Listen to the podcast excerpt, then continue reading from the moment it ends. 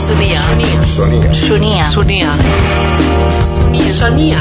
Sonia. Sonia. Sonia és l'actualitat del magma.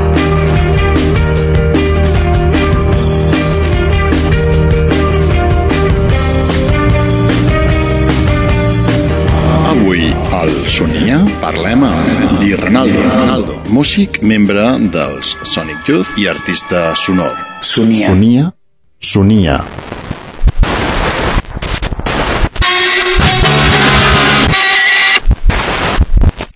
L'actualitat del magma. Lee Ranaldo. So i imatge. La portada. I think as far as the, the album covers are concerned, you know, they're usually one of the last pieces of the puzzle that gets put together. And sometimes um, we, we like to work with visual artists just because it gives the, the package an added dimension of, of some sort. And um, the, uh, the choice is not necessarily directly related to the music, but sometimes it's, it's related to it in a, in a certain sort of, uh, uh, I don't know, some kind of a thematic way, I guess you could say. Um, sometimes we just pick stuff because it looks, you know, like this time around we decided to go with Christopher Wool. It wasn't particularly that it um, related especially to the music as much as just the fact that that was uh, something that we were excited about visually at the at the time that we were making the record. In the same way that you know the music on it is the, the new music we're excited about. So sometimes it's it's uh, a juxtaposition that we hope it will add resonance to to both sides. You know, as far as a visual package. I mean, it's kind of boring to put the a picture of the band on the record cover or something like that. Some bands put their picture on the record cover every every album, and for some people that works. For us, it's more interesting to uh, broaden the scope of what the music is saying by what we attach to it visually. I mean, I don't know exactly when it started, but I think in the 50s and 60s with certain jazz and and uh, certainly with the explosion of sort of like rock and roll in the 60s, I mean, people realized they had this this canvas there to present uh, something other than just a trite image of the band or a kind of cliched cover image. I mean, and people started expanding on it and using it for all different kinds of things. Lee Ranaldo. So i imatge. Al directe. In a similar way to the album covers, in a sense. I mean, when Sonic Youth has, has been using the, the Tony Oursler videos, or when we played with the Brakhage films, or when Text of Light plays with films, or, or what I do with Leah in Drift, in a certain way, there's there's an initial resonance that you're, choo- you know, in uh, based around what you're choosing to work with. Obviously, if we're working with Tony's material, uh, there's a certain resonance between what he does and you know something we like about what he does and is preparing for us.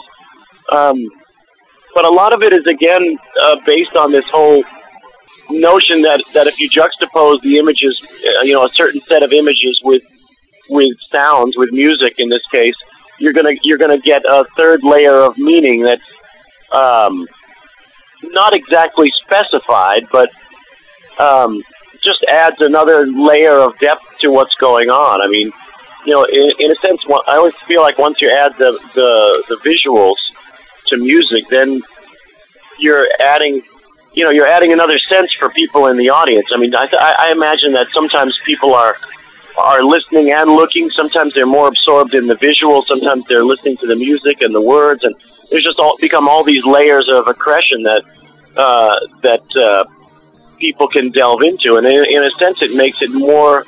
Uh, it, it gives it more of an a- aspect where everyone comes away with a different uh, impression of what went down, depending on what they focused on. You know, whether they're focusing on the visuals on the screen, or listening to the words, or or the music, or or then you know, of course, there's the just the environment as a whole, which is uh, a big factor in a lot of uh, rock situations, especially or music situations. Lee Ranaldo. So i imatge. La sala d'exposicions.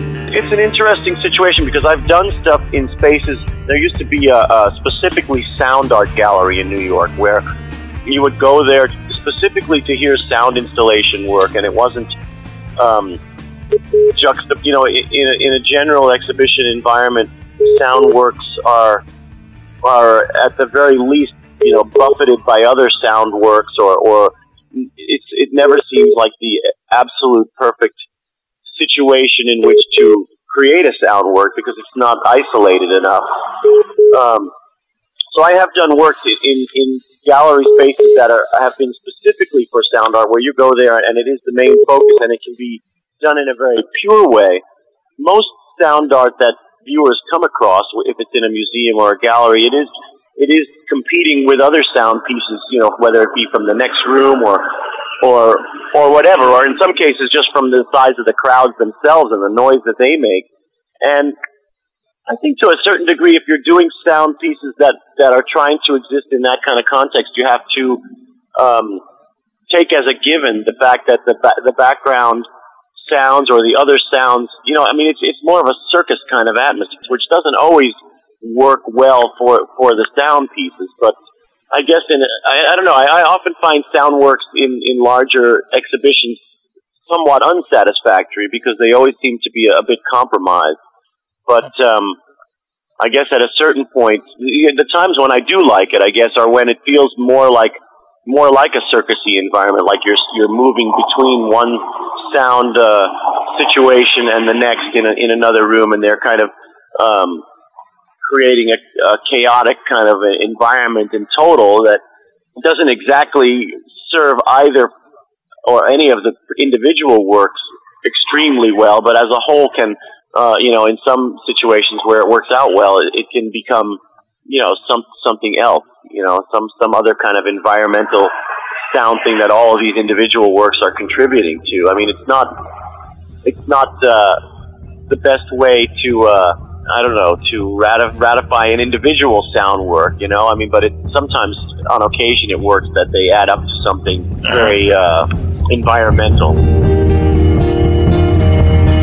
Well, I think when we made it, the, the uh, James Welling photo on the cover of Bad Moon Rising seemed to us really the absolute right cover for that record at the time. And I mean, it was the first time and one of the few times we've actually tried to go out and create a cover that worked for the music. And you know, when we staged that, we kind of had a fairly clear picture between us all, for some reason, of what would work. This kind of very American image of the, the pumpkin head burning on a, you know, sort of on a on a scarecrow cross kind of thing. And um, I mean, I think we all felt that that that cover really very. Uh, very definitely represented the music that was on that record in terms of it being an exploration of Americana in, the sort of 60s and um, having all these different connotations. I mean, the cover's a little bit punky. It's almost like the the fire is like a mohawk on the pumpkin, and I mean, it also speaks to the sort of the heartland of America and this very iconic imagery of the scarecrow. And um,